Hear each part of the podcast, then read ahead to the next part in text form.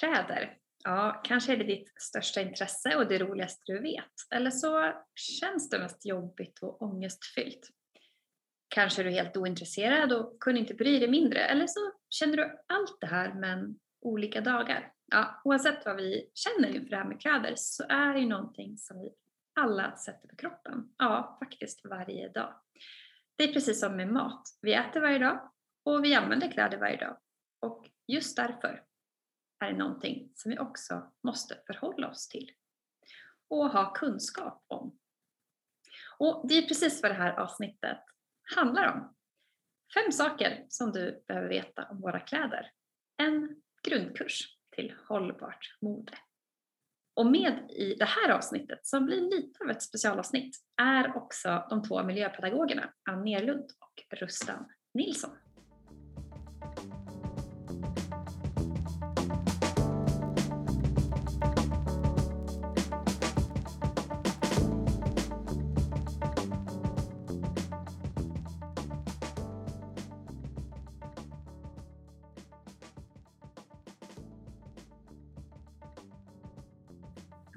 Lyssnar på Slow Fashion-podden med Johanna Leiman.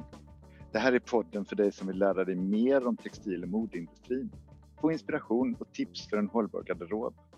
Och det här blir ju också alltså ett lite annorlunda avsnitt.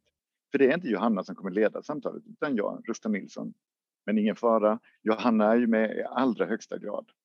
För det här avsnittet handlar alltså lite om back to basic. Vad behöver man egentligen veta när vi snackar just modeindustrin och hållbart mode? Och går det att koka ner det här till ett enda avsnitt som en grundkurs? För den som vill få en överblick på hela ämnet? Svaret är ju ja. Och vem är väl bättre på att koka ner soppan än kocken själv? Hej Johanna och Ann! Hej! Hej! Johanna, innan vi drar igång, kan inte du presentera din samtalspartner för dagen? Ja, du Rusta jobbar ju på Sysa och det gör ju du Ann också. Och det känns jättekul att vi båda är med på lite olika sätt i det här avsnittet. För Sysav har ju sponsrat hela den här poddsäsongen, vilket jag är så himla tacksam över. Och mm, vi har ju berört Sysav i ganska många avsnitt nu, men eh, ja, ni får gärna berätta lite mer vad ni gör och vad gör Sysav? Ja, Eh, både jag och Rustan arbetar som miljöpedagoger på Sysav.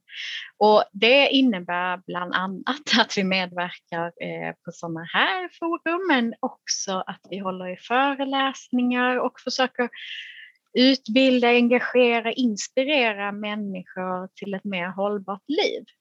Sen så är ju SYSAV ett avfallsbolag, eller SYSAV arbetar med en hållbar avfall och resurshantering. Så vi utgår ofta ifrån sopor när vi eh, pratar. Och vi Sysa verkar för ett samhälle med cirkulära flöden och hållbar produktion och konsumtion där onödigt avfall inte ska uppstå. Alltså ett samhälle där fler människor delar, lagar, byter och lånar och vill man ha mer inspiration och fler tips om ett hållbarare liv än din podd Johanna så får man gärna följa Sysa på Instagram och Facebook och LinkedIn.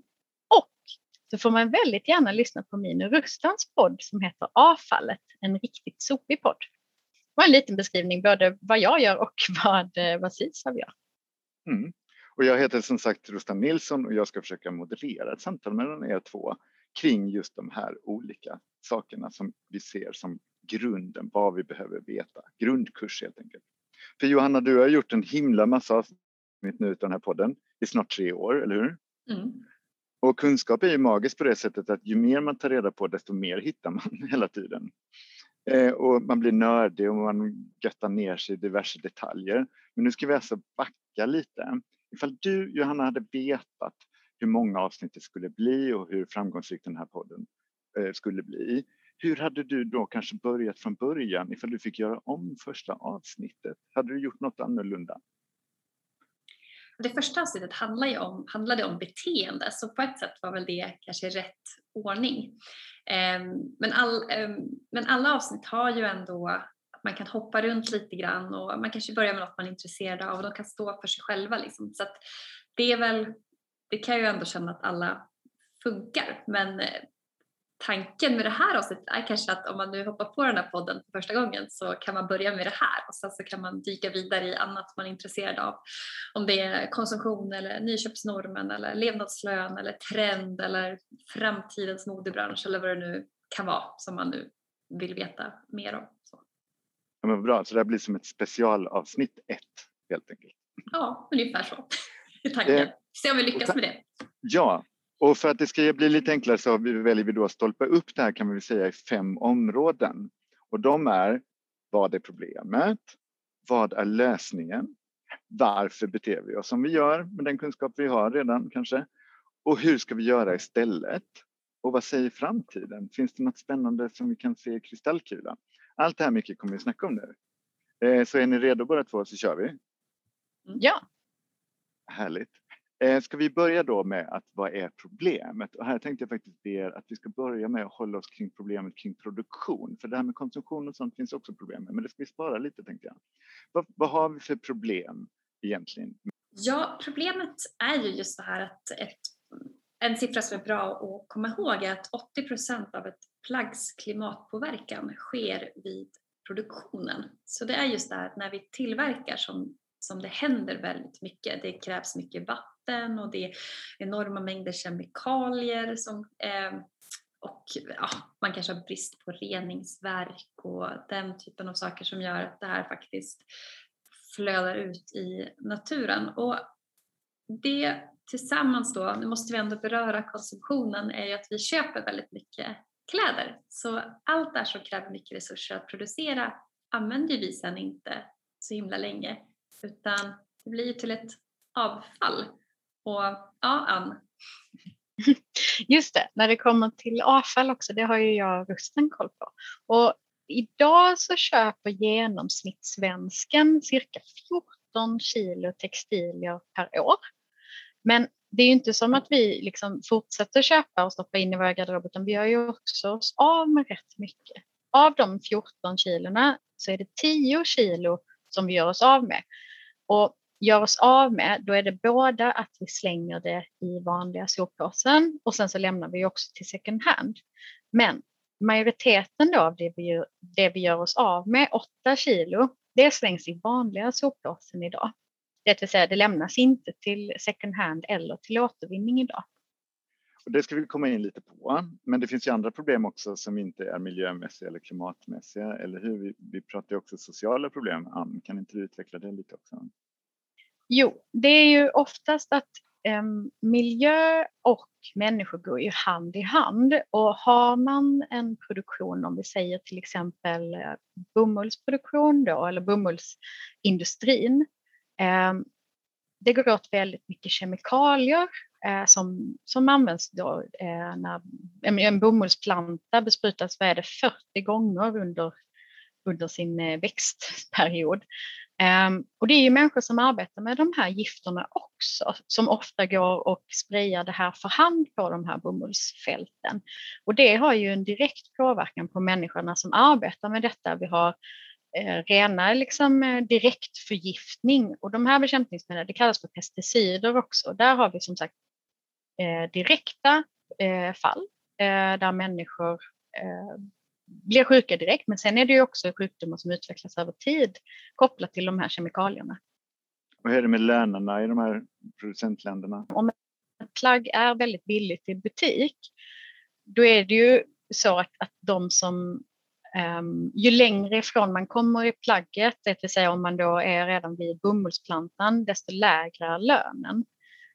Um, så är plagget billigt så är det ju någon som inte får betalt som de ska. Är det något du vill tillägga här Johanna kring problemet? Det blir lite deppigt nu men vi kommer ju komma in på lösningen. Ja men precis, vi måste förstå problemen och nu ska jag vara lite mm, krånglig här och säga att bara för att plagg kostar mycket så, så är det absolut inte producerat på ett bra sätt. Det finns ingen garanti för, för det, det berättar inte prislappen. Um, utan snarare att vi kanske kan, det vi pratar om problemen, att det snarare är någonting som genomsyrar hela branschen oavsett vilket uh, märke eller vilken prislapp som det här plagget får i slutändan så är liksom problemen ganska samma över, överlag. Och du pratar om bomullsfältet till exempel och sen har vi också alltså det är egentligen hela ledet där med sociala problem. Att den som syr våra kläder har ju inte heller en lön som det går att leva på. Eh, man har arbetsvillkor som, ja, man, man brukar prata om fem olika problem eh, inom textilindustrin. Så låga löner, ehm, dåliga arbetsvillkor, alltså att man får jobba väldigt långa timmar så att om man inte kan överleva på sin lön så måste man jobba mycket extra. Eh, man har ofta en arbetsmiljö som kanske är farlig eller att det saknas skyddsutrustning. Ehm, att man inte kan organisera sig fackligt till exempel och driva de här frågorna själv av olika anledningar. Det kan vara så att man ja, att man blir av med jobbet om man går med i facket eller att det också är ett land där man kanske inte finns fria fackförbund på samma sätt som vi i Sverige eventuellt är, vi är mer vana vid. Och så det femte sista problemet är sexuella trakasserier. För de flesta som jobbar inom textilindustrin med att sy våra kläder är ju framförallt unga kvinnor och som ofta då är i en så här beroende situation. Så ja, det är liksom de här övergripande problemen som man brukar prata om. Så det är alltså vad du säger också då viktigare att titta på var plagget är producerat än hur mycket det kostar kanske då också och under vilka förhållanden det har producerats, i vilket land och liknande och vilka regler och lagar som gäller. Ja och nej, eh, lite samma där att man kan inte säga vi kan inte, den här made in-lappen säger egentligen ingenting om att eh, hur det har producerats heller. Det finns bra och dåliga fabriker och produktioner i alla länder. Någonting kan göras i Europa och det kan fortfarande vara slavliknande villkor, det har vi ingen aning om. Ehm, så att det går inte att säga utan snarare att tänka att problemen är generella och så finns det bra exempel och det finns jättedåliga exempel. Ehm, och det här såklart gör det ju väldigt komplext. Men vi ska prata lite grann om senare tror jag just med lösningen, hur man kan tänka för att inte känna att det här är liksom oöverstigligt och en djungel. För hur ska man kunna hålla koll på vad ja, ett företag betalar i lön långt, långt bort på andra sidan jorden? Liksom. Nej, precis, så bra att du sa att vi kommer in på lösningen. För det är det man känner direkt när du listar alla det här. Hur ska jag veta allt detta som konsument. Så det var bra att du kommer komma in på läsningen. Ifall vi börjar kika lite på läsningarna nu då. Eh, det finns ju en modell som vi arbetar med efter som eh, avfallsbolag eh, som kallas avfallshierarkin och det är ett lättare ord för det, avfallstrappan. Den här avfallstrappan brinner vi lite extra för, jag och Ann, då, som jobbar på ett avfallsbolag. Men jag tänkte faktiskt be dig, Ann, kan inte du dra lite, vad är avfallstrappan och kan du inte använda ett plagg som exempel på hur den är tänkt att funka och för och nackdelar med de olika stegen i trappan? Jo, det är klart jag kan. Eh, avfallstrappan har fem trappsteg eh, och jag tänkte ta en t-shirt som exempel för avfallstrappan berättar för oss vad, som, vad man kan göra med avfallet när det väl har blivit avfall då. Så om vi tar en t-shirt som exempel. Första steget är deponering, slutförvaring av avfall eller i många andra länder så är det bara stora soptippar. Det är det man tänker på oftast när man hör ordet soptipp, att det läggs på hög eller möjligtvis i en grop. Och skulle jag lägga en t-shirt i en deponi eller på en deponi då så hade den gett upphov till något som kallas för metangas. Metangas är en växthusgas för det är så att när man gräver ner organiskt material som en t-shirt som kan vara gjord av bomull till exempel så börjar metanbakterierna äta och producera metangas. Och metangas bidrar till växthuseffekten. Det är alltså det sämsta alternativet vi kan göra eh, om vi har en trasig t-shirt som vi ska göra oss av med. Nästa steg i avfallshierarkin eller avfallstrappan är energiåtervinning. Och återvinning låter ju som någonting jättebra. Men energiåtervinning innebär att vi eldar upp avfallet. Och slänger man sin trasiga t-shirt i vanliga soporna så är det det som händer. Då eldas det upp och så tar vi hand om energin i det i form av fjärrvärme och el. Ehm, och, det låter ju såklart jättebra, men det ger ju också upphov till växthusgaser, koldioxid och även om vi tvättar den här röken som blir när vi eldar avfall så är det ju fortfarande inte någonting bra. Hoppar vi upp ett steg så kommer vi till materialåtervinning. Och materialåtervinning presenteras ofta som lösningen på klimatförändringar och som det bästa alternativet alltid. Och det är bra att återvinna för att kunna ta hand om, om resurser. Ehm, men det kostar också att återvinna. Det kostar i form av pengar, men det kostar också att ta fram de här stora processerna för detta. Ehm, alltså det kostar för miljön. Det är liksom inte bra för planeten med återvinning. Det är bara ett, sätt, ett bra sätt för oss att ta hand om jordens resurser. Hoppar vi upp på näst sista steget i avfallshierarkin eller avfallstrappan så hamnar vi på att återanvända våra prylar. Och då i det här fallet en t-shirt. Så hade det varit en trasig t-shirt så hade jag lagat den och använt den en gång till. Eller så hade jag kanske gett den vidare. Eh, jag hade kanske sålt den på loppis. Eh, så jag hade använt den en gång till. Och högst upp i avfallstrappan är att förebygga. Alltså att det inte ska bli några sopor. Så att jag också tar hand om mina kläder så att de inte går sönder. Enkelt förklarat. Eller i översta steget tänka för du kanske inte borde ha köpt den där tröjan från början därför att vi har ju faktiskt ganska många tröjor i vår garderober redan de flesta av oss. Eh, Precis. Det här kommer vi in på konsumtionen. Är det mm. någonting mm. du vill lägga till här Johanna?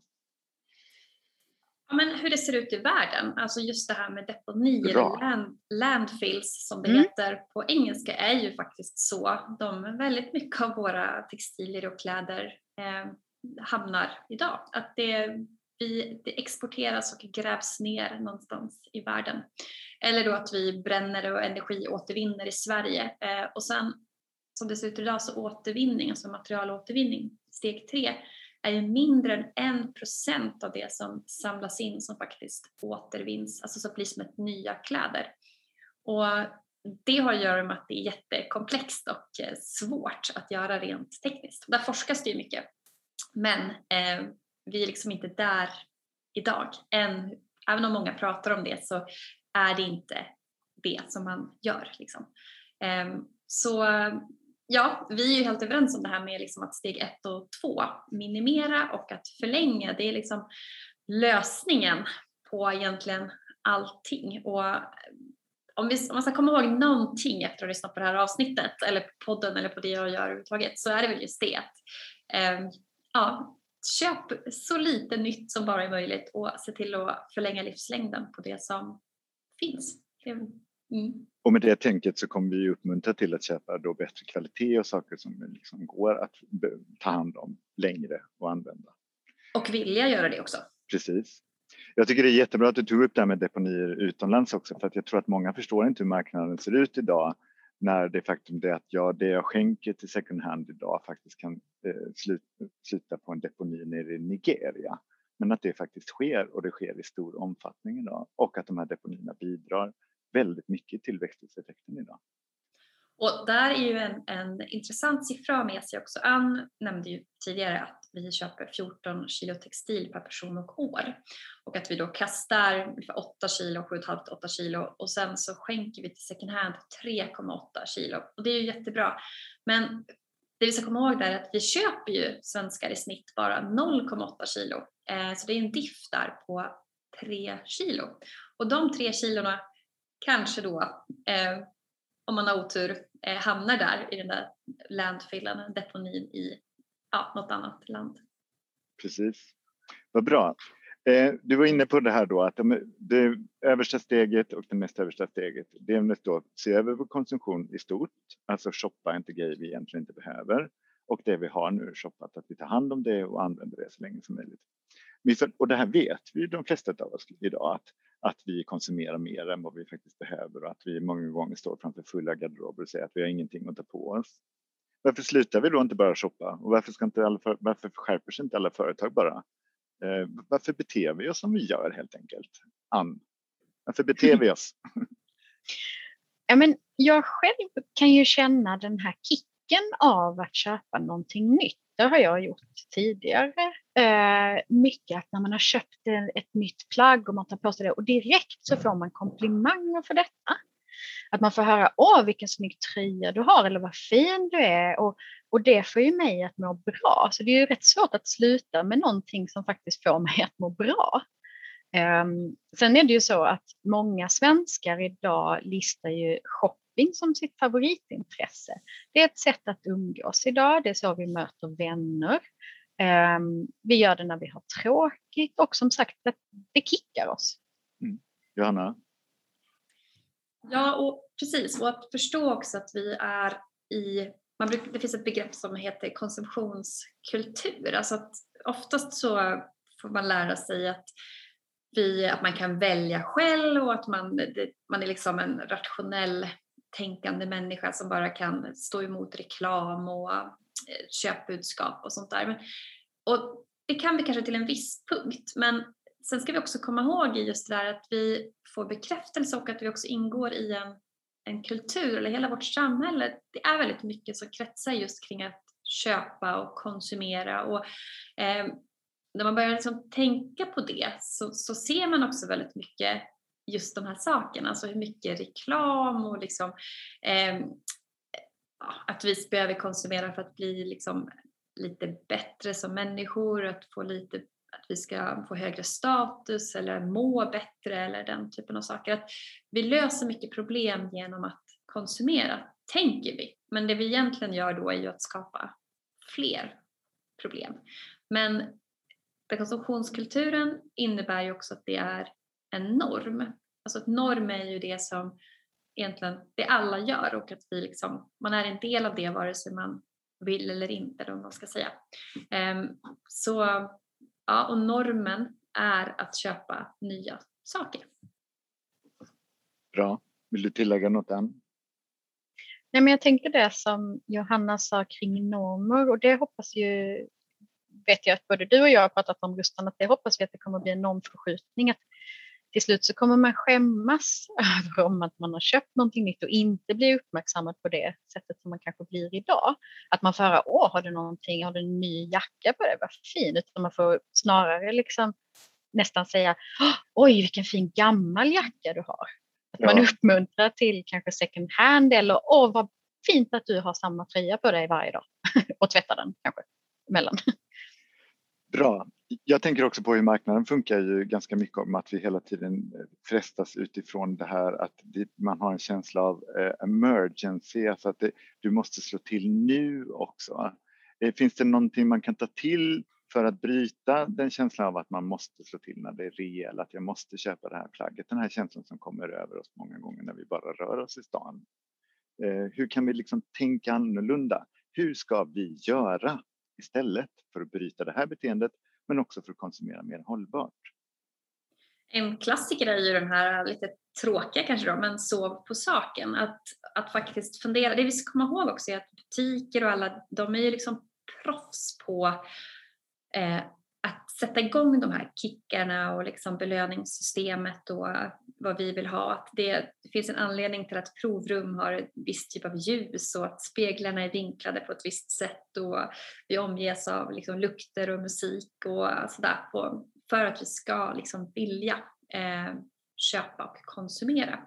Och just det där att bara liksom bestämma att man inte ska köpa någonting, man ska inte agera på att det är rea eller någonting utan att bara ta ett litet steg ifrån och kanske, ja, om jag fortfarande verkligen, verkligen vill ha det här om några dagar eller en vecka eh, och jag fortfarande identifierar behovet eller begäret eller vad man nu ska säga så kanske det är ett okej köp.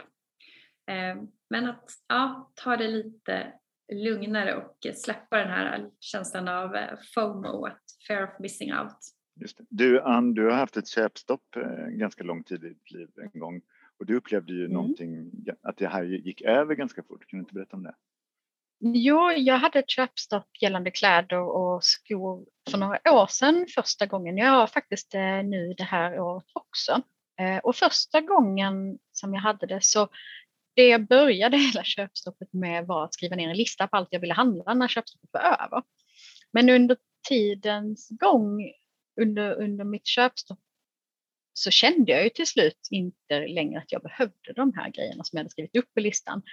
Eh, nu när jag gick in i mitt köpstopp det här året så skrev jag ingen lista för att jag vet om att den listan hade ändå strukits. Och det är väl också mitt tips att utmana sig själv om man vet om att så här, men jag har ett sådant shoppingbeteende. Att jag gillar att, och liksom köpa de här billiga tröjorna, eller det behöver ju inte vara billiga för den delen, men att man shoppar lite ohållbart. Eh, testa att ha ett köpstopp för att då ser du på plaggen på ett annat sätt när du har när köpstoppet är över. Det hände mig i alla fall att jag började tänka mycket mer kring kvalitet. Um, för under köpstoppet så märkte jag ju verkligen vilka kläder som inte höll fem tvättar ens utan att de vred sig eller blev för korta eller för små. Um, kvalitet blev väldigt viktigt för mig. Vad det är gjort av ehm, och, och faktiskt vilka butiker också som, som hade bättre kläder. Bra. Jag vill lägga till en grej där som jag har reflekterat över som vi faktiskt tog upp i vår förra, vårt förra poddavsnitt i vår podd Avfallet. Och det är ju det här med att eh, vi verkar tendera till att försöka lösa problemen med att addera saker och ting, alltså lägga till eh, för att hantera ett problem istället för att ta bort. Och jag upptäckte ju ett ganska intressant faktum att när jag då själv också hade ett köpstopp på kläder ett tag, nu höll det inte ett helt år för jag köpte ett par skor nyligen, men jag höll upp i nio månader i alla fall. Då var det att jag rensade ut bland mina kläder så jag tog faktiskt bort plagg i min garderob som jag aldrig använde och på så sätt så upptäckte jag vad jag hade. Alltså att jag såg inte skogen för alla träd. Så att genom att plocka bort min garderob så fick jag helt plötsligt mer att ta på mig av det jag redan hade. Det tyckte jag var en ganska intressant eh, fenomen. Jag tänker också med beteenden och det är också väldigt kopplat till vanor. Och det vi pratar om att vi lever liksom i den här konsumtionskulturen och vi omges av bekräftelse från olika håll men också att vi, väldigt många av oss har liksom ett vanemönster och det handlar ju alltifrån egentligen hur företagen funkar, alltså att de, de tjänar sina pengar på att producera väldigt mycket saker som de säljer och så använder vi det en stund och sen så kastar vi det och sådär. Att vi har liksom under många års tid lärt oss det här beteendet. Um, och att, så även om vi har mycket kunskap om hur saker och ting ändå förhåller sig utifrån så klimat och miljöpåverkan och sådär så, så handlar det om att också rita liksom en ny karta och skapa ett nytt beteende eller nya vanor. Och där är också ett sånt där tips, att, precis som Ann var inne på, att om man nu trigg, vet att vad man triggas av, att man, ja men, gå inte på stan så mycket eller eh, eh, hitta på något annat att göra med telefonen om du är den som ligger och scrollar på massa butiker.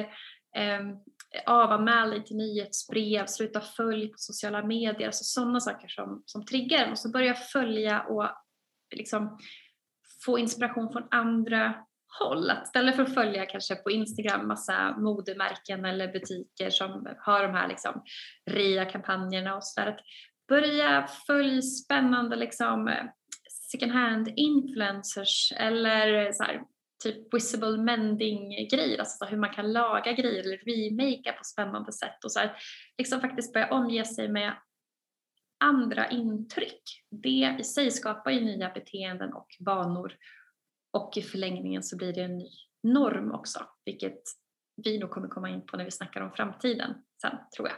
Nej, men precis som Johanna sa, det här med att göra någonting annat. För när jag har pratat med ungdomar kring klädkonsumtion eh, så är det ju som sagt en aktivitet. Och kan man då göra någonting annat än att shoppa, att hitta på saker med sina vänner ändå, tror jag är väldigt viktigt i det här att, att inte alternativet är att göra ingenting, för det är vi ganska dåliga på idag som människor. Eh, men också kanske tänka att när man ligger där och är väldigt gammal på dödsbädden så är det ju inte att man tänker oh, fan, jag skulle köpt en till tröja i mitt liv. Utan man tänker på alla de grejerna som man inte gjorde. Så hitta på saker med, med vänner och familj, men som inte innebär en tröja i slutändan.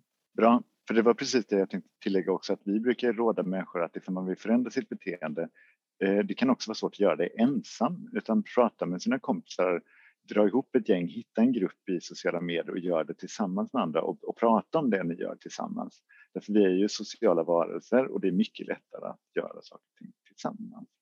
Och har man inte det nätverket själv så, så det är det som är så fantastiskt med liksom internet och liksom hur global världen är. Att det finns ju jättemånga andra så att man kan ju skapa den där bubblan med andra. Liksom. Så upplever ju jag till exempel ja, men, min lilla liksom, bubbla på Instagram. Att, eh, jag tror att många som kanske följer mig eller lyssnar på den här podden, att man kanske känner sig lite ensam i sin vardag eventuellt, men att man liksom skapar en, en ny, eh, ett nytt sammanhang där eh, man får lite boost i sina tankar. Eller vad man ska ja, säga. ett digitalt socialt sammanhang är också ett sammanhang.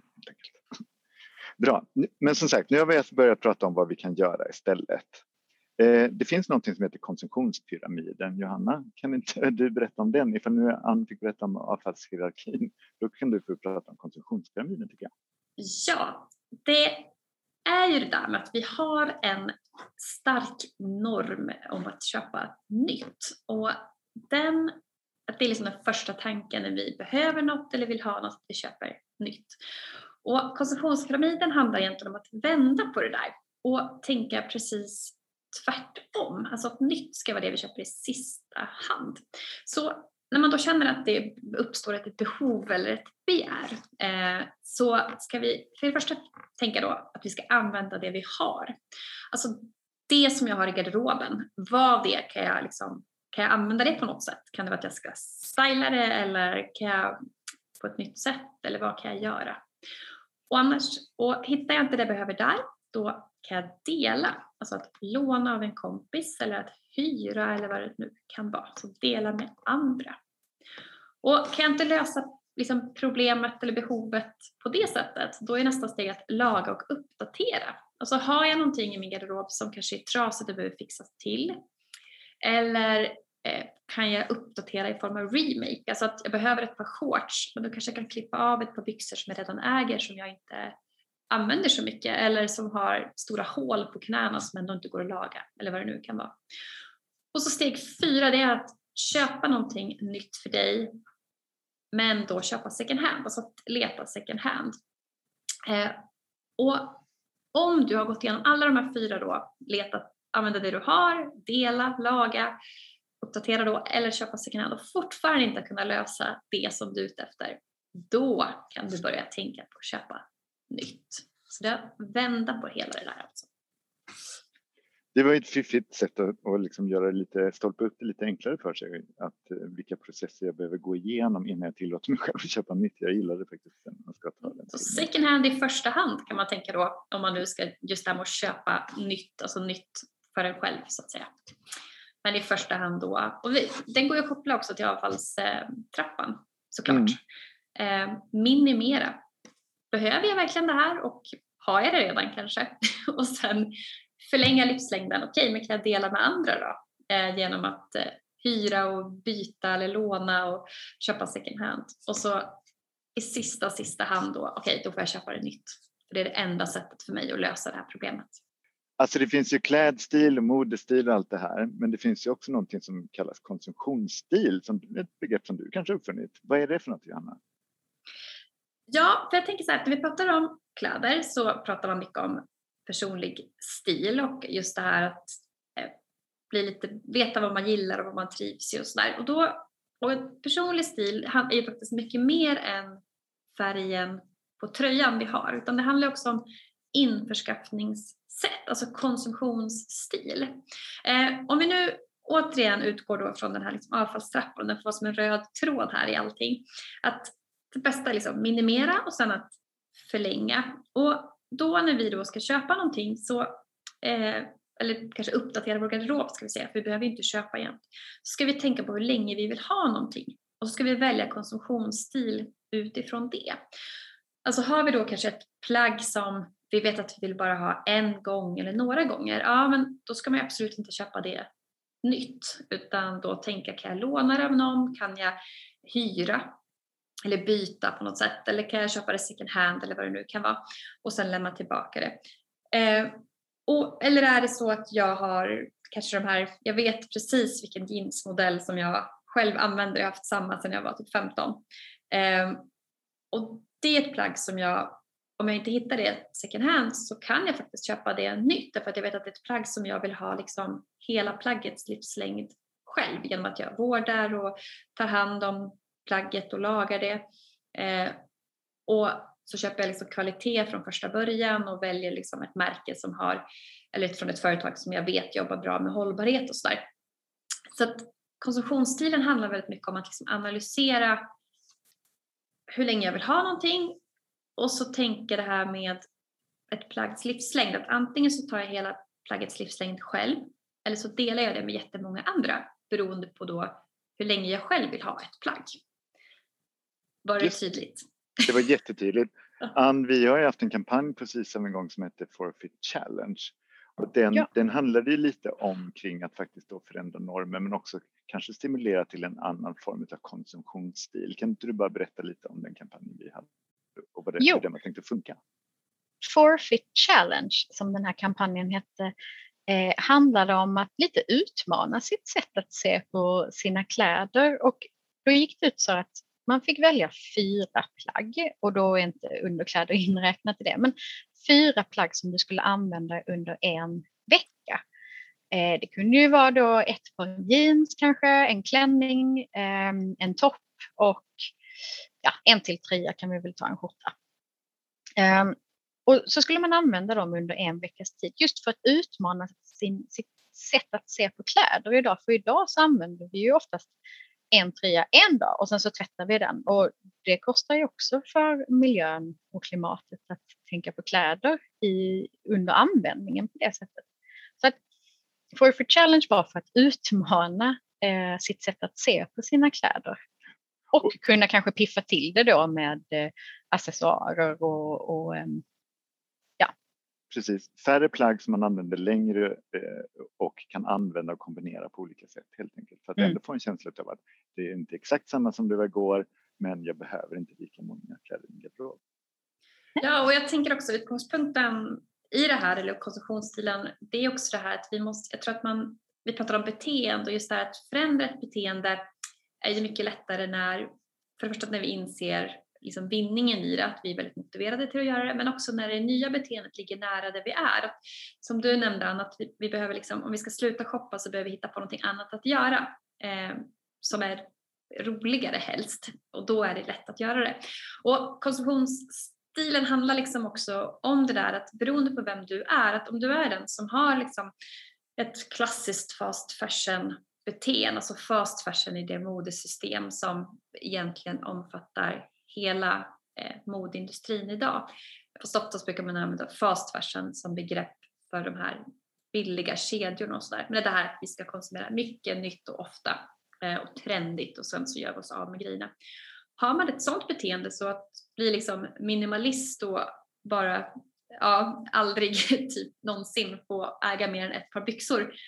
Det, det, kommer man ju inte vilja göra. Det känns ju jättetråkigt och då utgår man då istället för konsumtionstillit så här, men jag har det här slit och släng-beteendet, men kan jag översätta det till ett mer hållbart sätt att göra det? Ja, men då är nog second hand kanske ett första bra steg. Liksom att istället för att gå i de här stora galleriorna så börjar jag gå på second hand-butiker istället och så stillar jag det behovet. Och sen efter det så kanske nästa steg är att börja liksom reflektera kring min konsumtion och känslorna kopplat till det. För det är ju lite av en annan... Så man ska ta det enklaste ja. steget först helt enkelt? Ja men exakt. Och, eller precis som att å andra sidan är så här, men jag hatar att köpa kläder, jag orkar aldrig bry mig och, och liksom, eh, tycker det här är skitjobbigt att hålla på och tänka på också. Ja men okej, okay, men är du den som faktiskt ändå bara köper ett plagg per år och sen har det så länge det bara går, perfekt. Då kanske ditt nästa steg är att bli lite bättre på att laga dina grejer så att de kan hålla ännu längre exempelvis. Precis, så bra. Fakt faktiskt klappa sig själv lite på axeln i de beteenden som vi kanske redan är ganska duktiga på och sen byta ut till någonting som ligger ganska nära där vi är och så ta ett steg i taget lite grann och sen addera till nya saker. Jo, jag tänker också, det kan ju kännas svårt om man aldrig har handlat kläder på second hand tidigare så kan det kännas som ett rätt så stort steg. Eh, ofta så förknippar vi också second hand eller begagnat med någonting sämre. Eller eh, som vi ofta får höra miljöpedagoger att nej men det, det känns äckligt. Och sånt kanske man också ska börja reflektera över och tänka varför tycker jag att den här använda tröjan som är tvättad flera gånger varför tycker jag att den känns äckligare än någonting nytt som har oftast massa kemikalier i sig. Eh, när vi kanske inte tycker att det är äckligt att sova på ett hotell som också är begagnade lakan eller använda lakan och använda handdukar. Men att vi kanske ska börja tänka också, varför tycker jag att det känns lite läskigt med second hand? Ja, bra. Nu ska vi ta den sista punkten utav de här områdena vi har stoppat upp inför samtalet. Vi ska blicka framåt, eh, kika in i kristallkulan, försöka spana in i framtiden.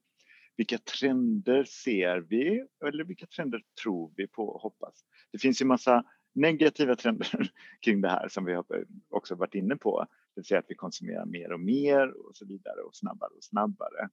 Eh, och att vi påverkar miljön och klimatet i, i högre utsträckning än vad vi gjorde förr. Det är en tydlig trend. Finns det positiva trender, Johanna?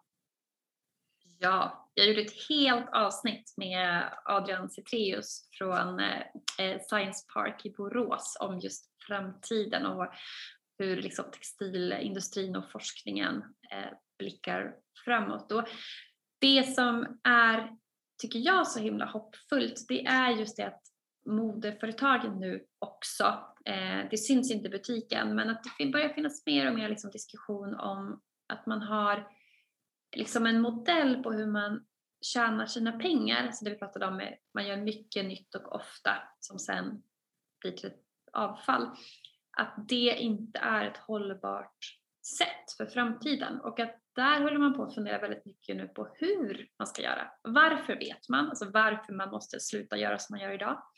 Eh, men hur man ska göra det här och hur man ska liksom kunna tjäna pengar i framtiden. Det är det man håller på att titta på så himla mycket nu. Kan man ha hyrtjänster? Kan man ha egen second hand? Kan man bli bättre på att hjälpa folk med styling, alltså hur man kombinerar plagg och uppdaterar och sådana saker. Eh, ja, kan man hjälpa folk att laga sina kläder eller vad det nu kan vara. Och det är ju eh, häftigt eh, när de här stora liksom börjar ändå prata om det på det sättet. Eh, sen kanske det än så länge är det mycket snack och lite verkstad. Ehm, så att, men jag tänker att om fem år så vet vi om de menade allvar eller inte.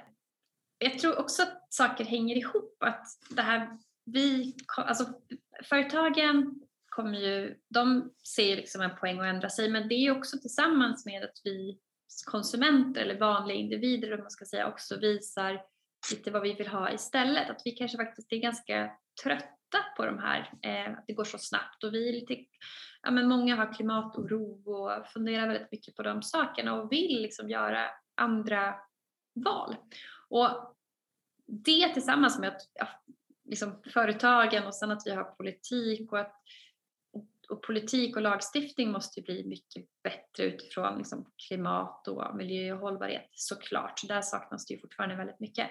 Men att när liksom alla de här tre kan liksom sam samverka, det tror jag otroligt mycket på liksom och liksom trycka på varandra också. Att vi individer kan liksom verkligen ställa lite mer krav och det tror jag kommer göra att företagen kommer att anpassa sig och det gör att de av oss individer som kanske inte bryr oss så mycket idag kommer ju liksom på något sätt tvingas haka på för att det är det som kommer finnas i butik eller det är så lagstiftningen ser ut att det går inte att göra på ett annat sätt eller vad det nu kan vara. Det tror jag kommer, eh, det ser vi redan nu liksom att det händer saker. Får jag inflika en sak här? Då ska jag ställa en, kanske en känslig fråga till dig Johanna. Du har ju en podd som är en modepodd, även om det är lite slow fashion på podden. Så är det ändå en modepodd och som handlar om kläder och du tycker ju det är väldigt kul med kläder. Eh, tror du att vi kommer tröttna på att använda våra kläder som ett uttryck för vår individualism och att vi ska se så himla unika ut? Tittar man på en film, en svensk film, valfri från 60-70 år sedan, så såg alla typ likadana ut med sina gråa trenchcoats och hattar alla karlarna och så vidare det här individualistiska uttrycket, tror du att vi kan få en backlash på det där vi kanske går mer mot en uniform och en enhetlig klädsel som ett statement för att motverka eh, fast fashion? Nej, jag tror tvärtom. Faktiskt.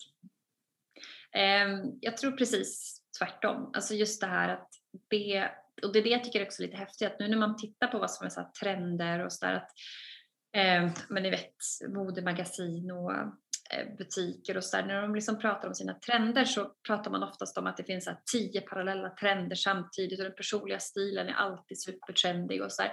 Och det är ju helt fantastiskt utifrån det vi brinner för. Det här att om det är någonstans man vill ha liksom där du verkligen kan hitta originalet. Jag tänker nu så här, eh, 90-talet är jättestort men på second hand kan du hitta originalet eh, och det är ju mycket bättre och där hittar du en tröja second hand så är det liksom då är den unik och det är bara du som har den med stor sannolikhet och det är ju det finns ett mycket, mycket högre värde i det än att ha det som alla andra har, tänker jag.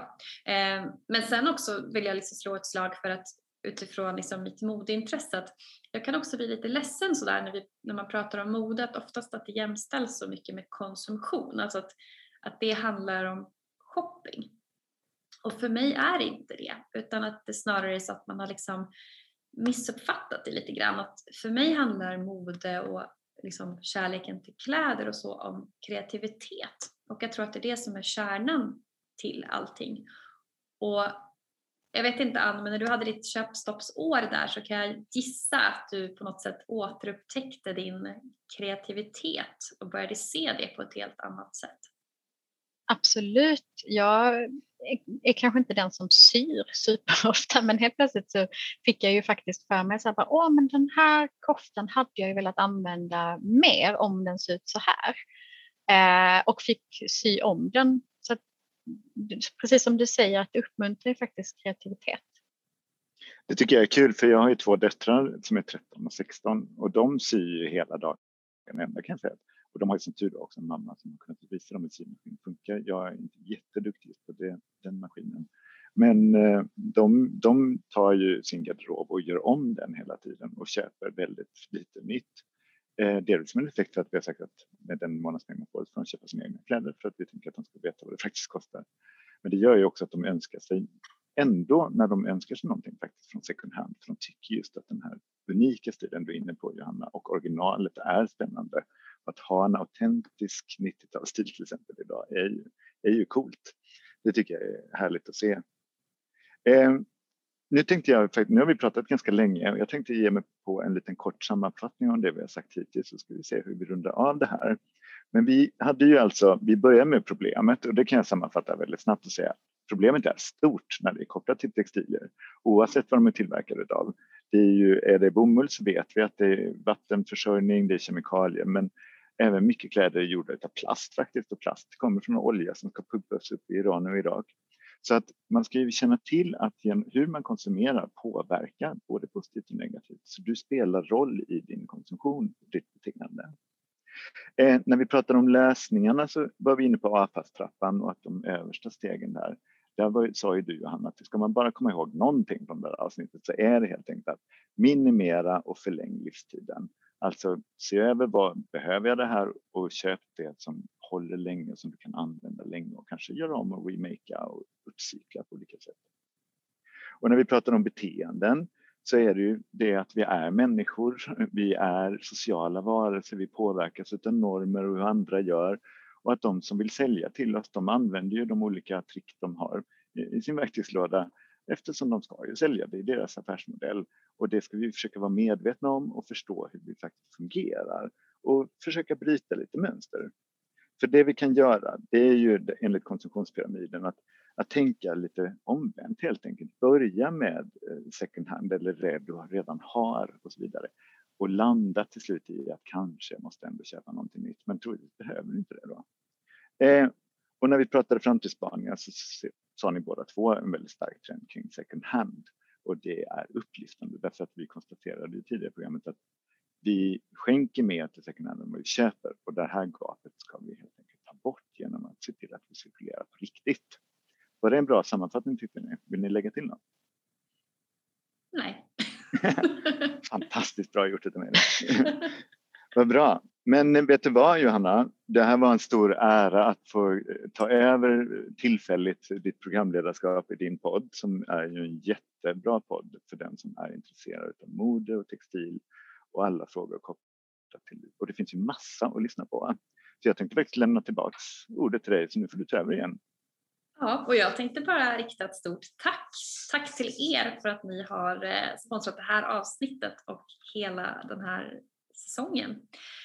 Um, och ja, tack också till er som är patrons som lyssnar på den här podden och skänker en liten summa varje avsnitt. Och vill du också bli patron så finns ju all info på patreon.com slowfashionpodden. Och ett stort tack också till alla er som på olika sätt supportar med en liten swish sådär när ni har hört något avsnitt som ni gillar lite extra eller så. Och då är ju numret 123 199 7204. Och om du vill att fler ska upptäcka podden så får du hemskt gärna dela och tipsa vidare och betygsätta den i din poddapp för det gör ju att fler kan upptäcka den.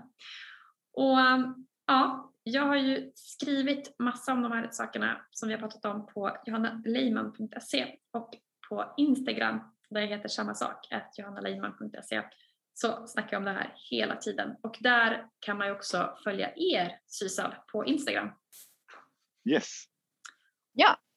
Och tack för att ni ville gästa och tack för att vi fick göra det här avsnittet som eh, förhoppningsvis kan vara någon typ av sammanfattning och en liten hand att hålla i.